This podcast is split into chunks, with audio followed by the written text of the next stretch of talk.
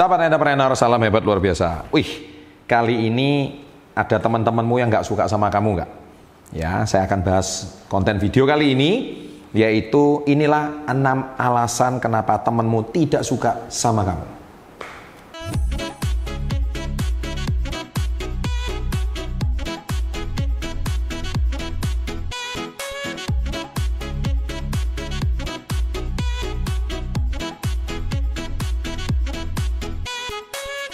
Oke, nah eh, sebelum saya bongkar 6 alasannya, jangan lupa subscribe dulu, jangan lupa loncengnya diaktifkan, ya. Saya tunggu 3, 2, 1, thank you, saya bongkar ya. Jadi sebab temanmu tidak suka sama kamu nomor satu, karena kamu memang maunya menang sendiri. Nah ini loh ya, ini yang paling susah. Jadi kamu tuh nggak mau ngalah, maunya menang sendiri.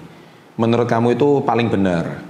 Ya, jadi tidak mau kalah, tidak mau mengalah. Intinya menganggap teman itu sebagai rival dan ujung-ujungnya malah menjatuhkan. Harusnya kalau Anda memang bersaing itu bersaing yang sehat.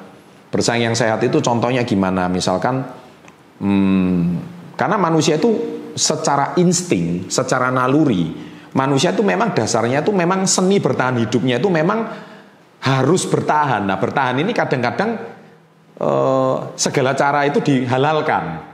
Ya, nah menurut saya itu kurang pas, kurang elok ya, kurang etis. Nah yang benar itu adalah jangan anggap teman itu sebagai rival, tapi anggap itu sebagai mitra tanding lah. Ya, kalau misalkan anda lagi berkompetisi, apa pun kompetisinya olahraga, ujian atau lomba apa pun, anggaplah teman itu sebagai mitra. Kalau kalah ya biasa gitu, ya ya biasa aja kita evaluasi apa yang salah gitu. Nah masalahnya kamu mau menang sendiri dengan cara malah menjatuhkan lawan. Nah itu menurut saya akhirnya kenapa temenmu nggak suka sama kamu. Oke, yang pertama. Yang kedua, nah ini yang paling menjengkelkan sih menurut saya. Maha tahu segalanya. Anda itu Mister Know Everything. Tanya ini, oh saya ngerti, tanya ini, oh ngerti, semuanya ngerti gitu. Nah ini kan pribadi yang menurut saya banyak bacot, banyak bicara, kurang banyak mendengar. Harusnya kan Anda jadi pribadi itu menyerap dulu. Oh maksudnya apa sih orang ini? Oh didengarin dulu. Oh iya ya. Banyak mendengar. Nah orang yang bahas tahu segalanya ini pasti banyak bicaranya. Nah apakah kamu pribadi seperti itu? Tulis di kolom komen. kebanyakan kalau saya suruh tulis di kolom komen, kebanyakan yang nulis itu bukan dirinya. Tapi yang kebanyakan dia nunjukin temennya. Iya pak, teman saya kayak gini. Berarti kan yang saya mau itu kalian introspeksi, gitu. Kalian introspeksi. Iya, saya orang yang saya jujur, saya orang yang nggak disukai orang banyak. Nah, jadi ini tips. Ini saya sari intisari ambil dari bukunya Del Carnegie ya. Jadi Del Carnegie itu pakar hubungan dengan teman. Jadi artinya Anda itu bagaimana how to win friends and influence people. Bagaimana cara Anda itu bisa mempunyai teman yang banyak, bisa disenangi orang lain. Nah, ini intisarinya pakar hubungan kemanusiaan. Nah, sebabnya di sini saya akan banyak membahas ini supaya Anda bisa mudah bergaul dengan siapa pun. Ya, Anda bisa punya teman relasi yang tak terbatas dan Anda itu pribadi yang dibutuh-butuhkan. Ah, keren kan? Oke, kalau keren jangan lupa subscribe ya sekarang juga. Oke, loncengnya diaktifkan, dukung terus channel ini. Yang ketiga, penampilan jorok. Ini dia dan bau. Aduh ya ampun, saya minta maaf ini ya. Jadi sering kali uh, Anda itu nggak memperhatikan penampilan dan bau badan gitu. Makanya kenapa iklan burkat itu laku gitu ya, bubur ketek itu kenapa laku? Karena itu kan bermakna bahwa di Indonesia ini banyak orang yang bermasalah dengan bau badan dan jorok. Gini deh, kalau Anda ketemu orang yang jorok, kamu suka nggak? Nggak suka kan cara dia makan jorok, cara dia penampilan jorok, kamu nggak suka. Begitu juga orang lain.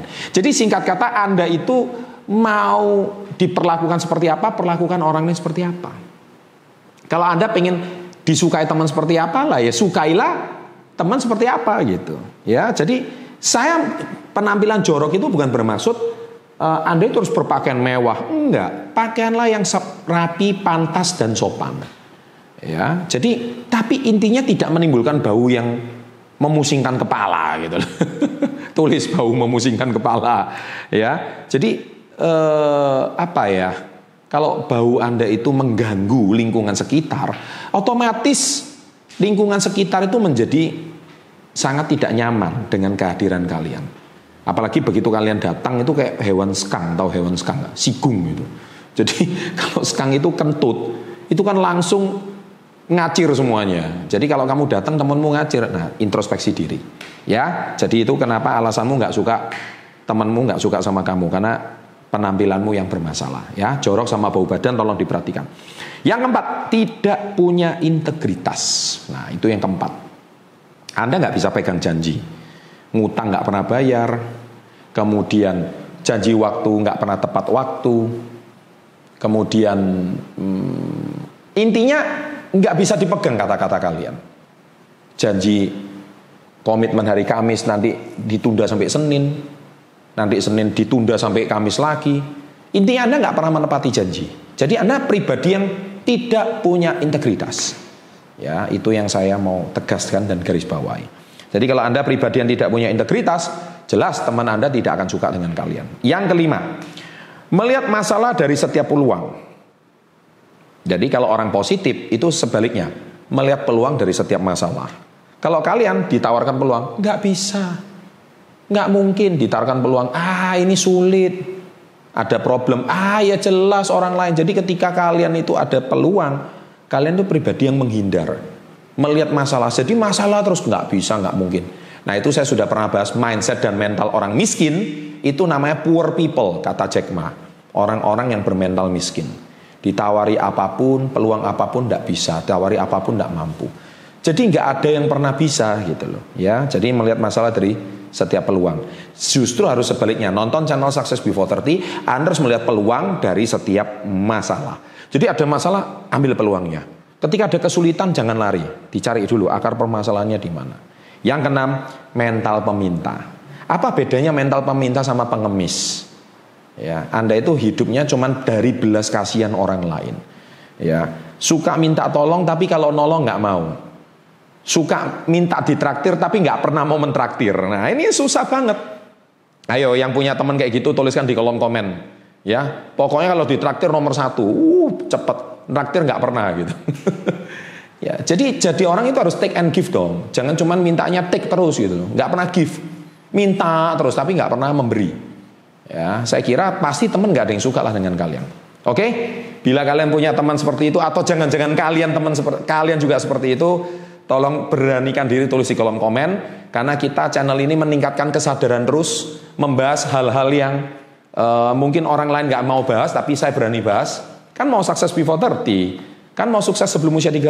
Jadi kalau kalian sebelum 30, kalian sukses itu bukan cuma secara finansial tapi juga sukses secara etika, sukses secara edukasi, sukses secara kualitas, sukses secara wawasan, kalian akan menjadi pribadi yang jauh lebih baik.